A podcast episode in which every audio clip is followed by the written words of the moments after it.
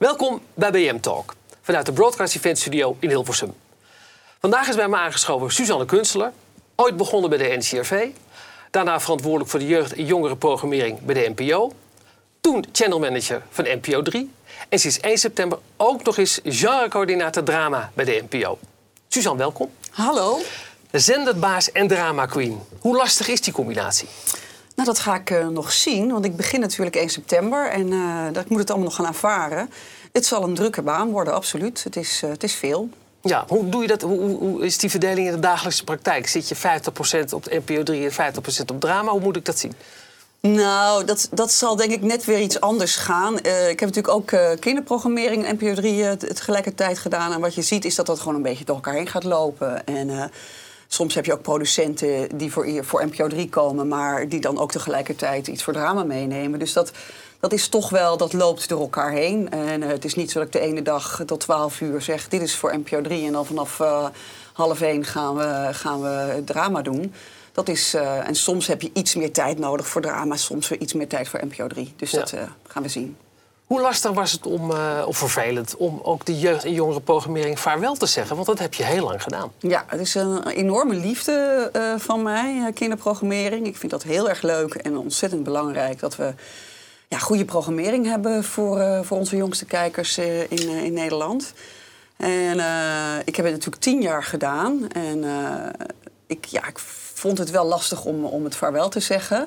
Maar ik dacht, het is ook wel goed om na tien jaar eh, dat weer eens aan een ander over te dragen. Ten meer ook omdat mijn kinderen inmiddels eh, die leeftijd echt ontgroeid zijn. Het is wel fijn als je dat doet, dat je de, de doelgroep thuis op de bank hebt. En die heb ik niet meer. En dan merk je ook dat je zelf toch iets minder eh, ja, betrokkenheid hebt bij alles wat daar omheen gebeurt. Ja, precies. Is, is wat dat betreft de huidige generatie heel erg anders dan die jij toen bediende? Nou, dat geloof ik niet. Want eh, ik denk toch dat er eh, een groot deel van de dingen die kinderen boeien eh, nog steeds hetzelfde zijn en gelijk zijn. Maar de wereld gaat natuurlijk wel heel erg snel. En er zijn best wel veel ontwikkelingen, natuurlijk ook online. En, en, en, en, en dan vinden ze dit weer ineens heel hip en dan weer dat. En ik merk wel dat is goed bij te houden. Het is niet dat je dat. Maar je moet het ook. Het is leuker als je het bijhoudt als je het je eigen kinderen ziet doen. Precies. Hè, dus dat, dat het was althans mijn ervaring. Dat zal voor ieder ander zijn. Maar ik vond dat zelf wel heel erg leuk. Dat ik, Ja. dat, dat ik de dingen die wij deden meteen kon testen thuis. En kon, kon, ja, gewoon Ja. kon voelen hoe ze vielen. Ja, jou- jouw kinderen zijn nu weer wat ouder. En Ja. vallen dus nu in de NPO 3 doelgroep, zeg maar volwassen doelgroep, zal ik maar zeggen. Eh allerwege wordt voorspeld en gezegd, ja, die, die, die huidige generatie en die daarna, die kijken geen lineaire televisie meer. De logische vraag is dus, hoe lang is het lineaire leven van NPO 3 nog eh, te verlengen?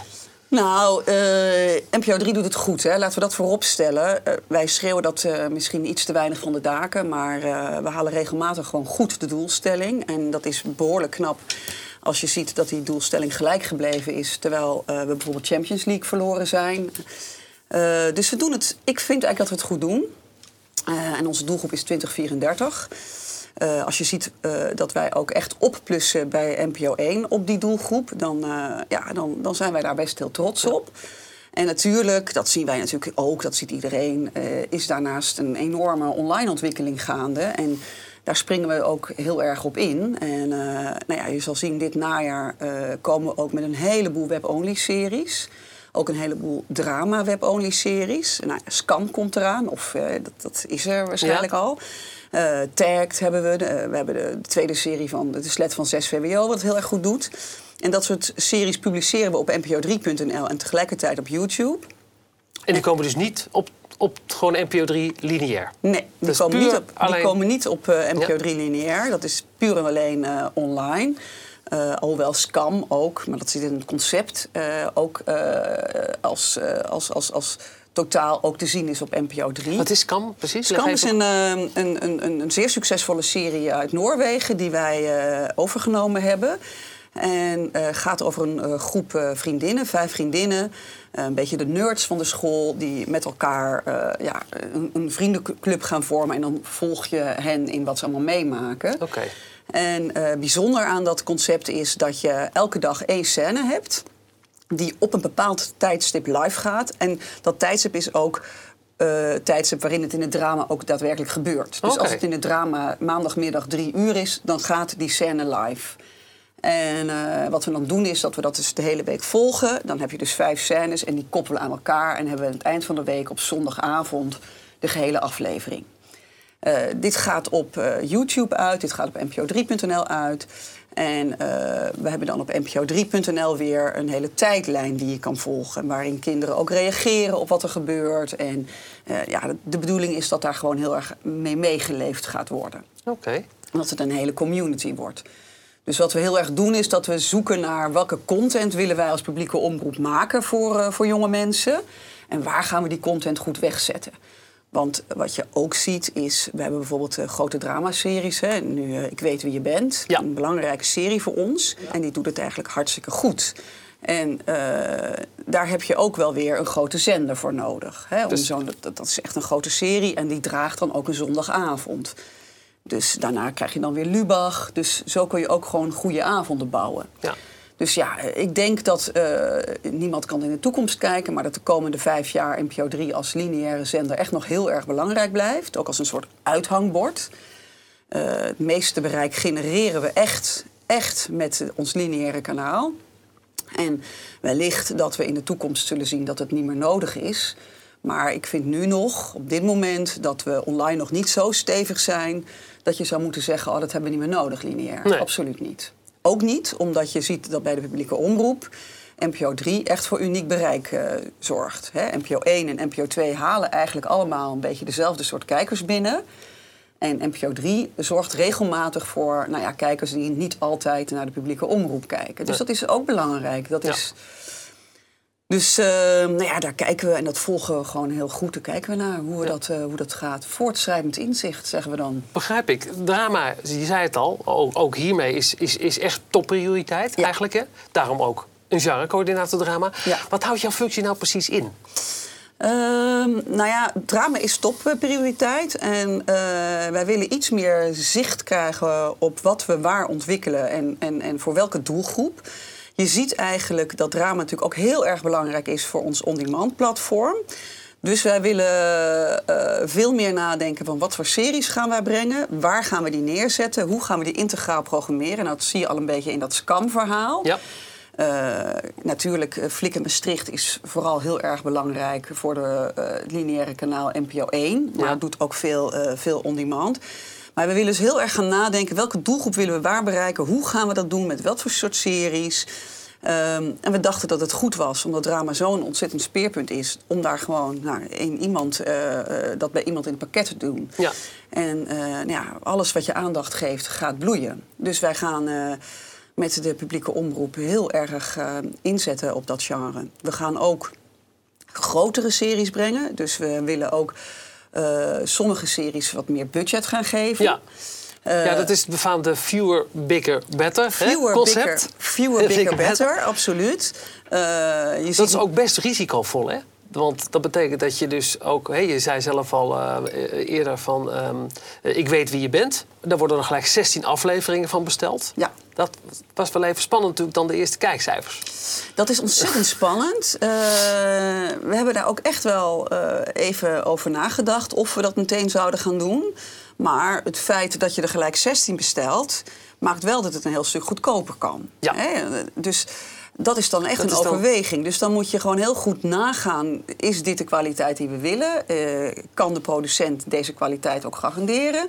Is het verhaal sterk genoeg? Eh, houdt het het 16 eh, weken lang? Nou, dat hebben we natuurlijk uit en daarna besproken. En goed over nagedacht. En uiteindelijk zeg je dan, dat gaan we doen. Ja. Want Wordt het ook, schiep je nou ineens te binnen, wordt het ook nog steeds getest op, op een panel?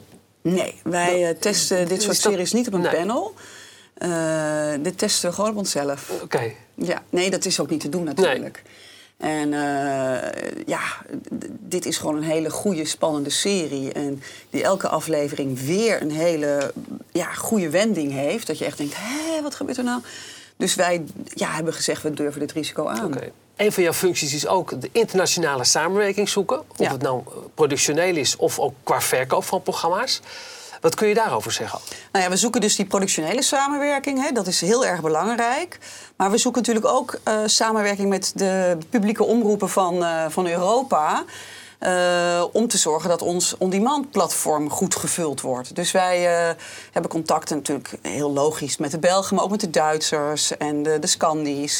En wij willen heel graag naar een soort van samenwerking, zodat we elkaars beste series gunnen aan de diverse uh, on-demand platforms. En niet dat die allemaal direct naar Netflix gaan. Want het is natuurlijk belangrijk dat ja, dat, dat, dat kijkers op een gegeven moment weten... oh, daar haal ik leuke series. En, en niet alleen die Nederlandse series... want daar vullen we dat platform toch niet voldoende mee. Maar uh, god, de nieuwe Bridge staat toch weer uh, gewoon bij de NPO. Ja. Maar heb je die slag met Netflix niet al lang verloren? Nee, ik vind dat we de slag met Netflix helemaal niet aan het verliezen zijn. Want als je ziet hoe bijvoorbeeld Nederlands drama bij de publieke omroep omarmd wordt door ons publiek... en hoe dat eigenlijk altijd heel goed opgepakt wordt... Als je ziet hoe de series op NPO 3 en op NPO 1 het doen, nou, dat is altijd goed. Uh, als je ziet hoe ze teruggekeken worden, is het hard goed. En wat wij natuurlijk doen bij de publieke omroep, is wij vertellen ons eigen Nederlandse verhaal. Kijk, Netflix begint nu mondjesmaat, heeft nu één serie opgepakt in Nederland. Maar is natuurlijk toch wel de leverancier van veelal Amerikaanse series. Die heel erg fantastisch zijn hoor. Ik, bedoel, uh, ik kijk zelf ook graag.